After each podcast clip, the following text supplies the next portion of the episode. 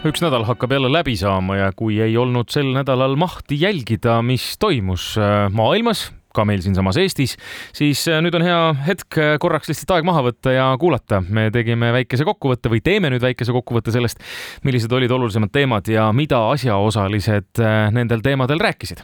sel nädalal jõudis Eesti päästemeeskond tagasi Türgist, kus nad aitasid tegeleda maavärina tagajärgedega. pääste- ja kriisireguleerimisekspert Mati Raidma rääkis Äratajas, millise dilemma ees seisavad kohalikud päästjad Nad on arendanud päästemeeskondi, nad arendanud vabatahtlikku võrgustikku Punane poolkuu, tegeleb aktiivselt, aga, aga võib-olla siin tuleks ühte sellist äh, väga inimlikku faktorit äh, välja tuua, et milline meeletu dilemma on tegelikult päästjate ees, kui sa tead, et su pere on ka rusudes.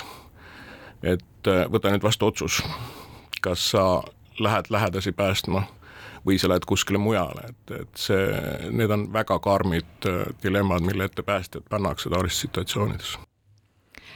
veidrad õhupallid USA taevas on andnud kõneainet juba mitu nädalat. rahvusvahelise Kaitseuuringute Keskuse teadur Ivo Juurvee selgitas Äratajas, milleks sääraseid õhupalle kasutatakse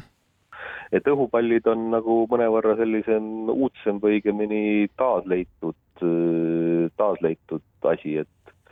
Äh, kui neid viimati võib-olla laiemalt kasutati kuskil viiekümnendatel luuramiseks, siis praegu on äh, mõne,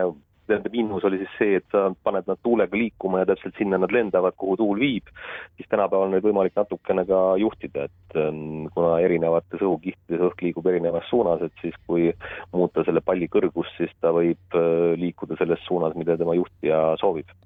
mis loomulikult annab luuramiseks ka palju uusi võimalusi, et ta võib äh, ühe ala kohal pikemalt, äh, pikemalt paigal olla, mida näiteks luuresatelliidid teha ei saa. Äh, ja siis liikuda jah, kuhu vaja nädala keskel lahvatas skandaal tuntud ja tunnustatud kergejõustikutreeneri Mehis Viru osas, kellele Kergejõustikuliit kehtestas tähtajatu kergejõustikustreenerina tegutsemise keelu. Viru teatas oma pöördumises, et näeb süüdistustes liidu juhi Erich Teigamägi isiklikku vimma tema vastu. Teigamägi jagas omapoolseid selgitusi sihikule. kõigepealt esiteks mina üritan neid süüdistusi mitte isiklikult võtta, sest mm, -hmm. sest see protsess on olnud väga, väga keeruline ja ja me oleme lasknud paljudes lõikudes tegeleda spetsialistil, mitte isiklikel emotsioonidel või isiklikel suhetel. Äh, Meis on olnud väga hea kolleeg meile juhatuses varasemal ajal, aga meil on olnud ka tõsiseid vestlusi. päris tõsiseid vestlusi omal ajal, nii, küll mitte jah, teemal treenimine otseselt, sest või, või sportlaspetsiifika, aga muudel teemadel, teemadel noh, nende avamine võib-olla eeter jääb liiga lühidaks, kui ma hakkan neid detailselt kirjeldama, aga kuna neid vihjeid, nagu ma ütlen, keegi konkreetse kaebusega ei tulnud, on, on kolmandad isikud, on neljandad isikud siiamaani olnud, siis ja, ja ka tänases materjalis on konkreetsed sportlased, konkreetsed endised treenitavad, siis varasemalt oli, oli, ei, ei olnud õigusruumi, siis oli väga raske selle teemaga edasi tegeleda USA kaitseminister Lloyd Austin külastas sel nädalal Eestit. visiidi sõnumi tähtsust selgitas Kuku pärastlõunas eurosaadik Riho Terras. see on kindlasti märgiline eh, ja kui see et, et see on ka märgiline siis, kui on mingi oht suur eh, õhus, aga ma usun, et see konkreetne visiit on märgistamaks seda, et Eesti on väga tõsiselt toetanud Ukrainat, reaalselt sõjaliselt abistanud Ukrainat ja kõik äh, poliitilised parteid on deklareerinud ka riigikaitsekulude tõstmist ja see kolme protsendi jutt on, on, on ka NATO-s väga selgelt välja öeldud ja, ja selle tunnustuseks on äh, Ameerika kaitseminister visiidil, seda ei juhtu väga tihti, äh, Eestis on minu mäle, mälust, mäletamist mööda kahe tuhande kuueteistkümnendal aastal käis Ash Carter ja ja võib-olla kaks tuhat kaks Donald Rumsfeld, nii et, et väga tihti seda ei juhtu, mis on selgelt, tõstab selle visiidi väärtust väga oluliselt, aga, aga need sõnumid, mis ta pressikonverentsil ütles ja, ja mis ta ilmselt ka oma kohtumistel ütles, olid väga selged, et et USA on pühendunud NATO idapiiri kaitsele, on sinna ka panustanud, nii nagu kokku lepitud ka vägedega, see on meile ju siin väga teretulnud olnud ja noh, ma loodan, et ta ütles ka seda, et äh, väga oluline on, et need väed, kes siia kohale tulevad, ka ka harjutamisvõimalusi saavad nii, et nende kvaliteet ei lange, vaid nende elamis- ja harjutamistingimused siin Eestis on, paranevad, mitte ei halvene Kuku pärastlõuna intervjueerib inimesi, kes on ühiskonnas tuntud, aga valimistel kandideerivad esmakordselt.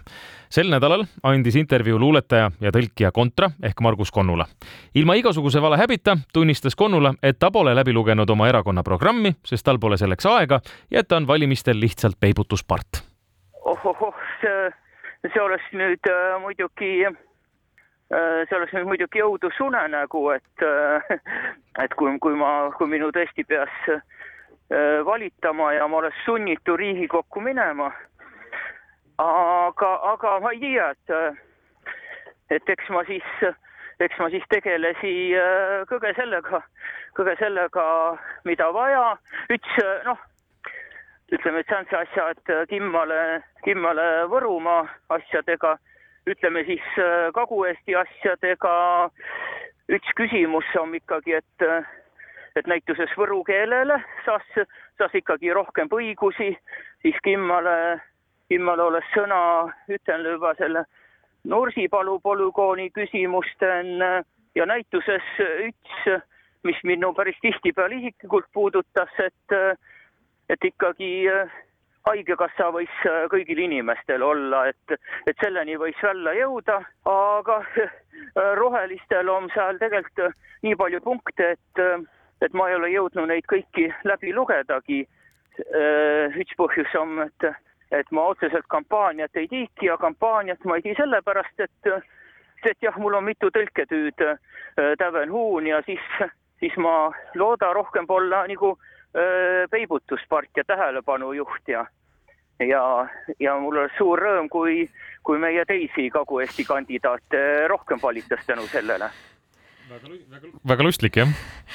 pühapäeval sõidetakse neljakümne üheksandat Tartu maratoni. selleks, et kuuekümne kolme kilomeetri läbimine oleks nauditav, tulevad kasuks muidugi hästi määritud suusad. ärataja uuris endiselt Eesti suusakoondise määrdemehelt Mihhail Lukartšenkolt, millal jõuab kätte aeg, kui suuski määrida enam ei ole vaja jah, mul abikaasa kunagi küsis ka, miks ei ole ühte suuska, mis li, äh, libiseb äh, eri, ükskõik mis lumega yeah., see on täiesti aus küsimus on ju, aga see põhjus on väga lihtne, et me töötame materjalil ehk siis lumi, mis on konstantselt muutumises olev materjal ja ta on pehme, ta on kõvarada, peene, suur, tera, nii edasi, nii edasi, niiske, kuiv. et, et see ongi see põhjus, miks me ei saa nii-öelda miks ei ole välja leiutatud seda ühte universaalset suuska, mis toimiks kõikides äh, ilmastikuoludes?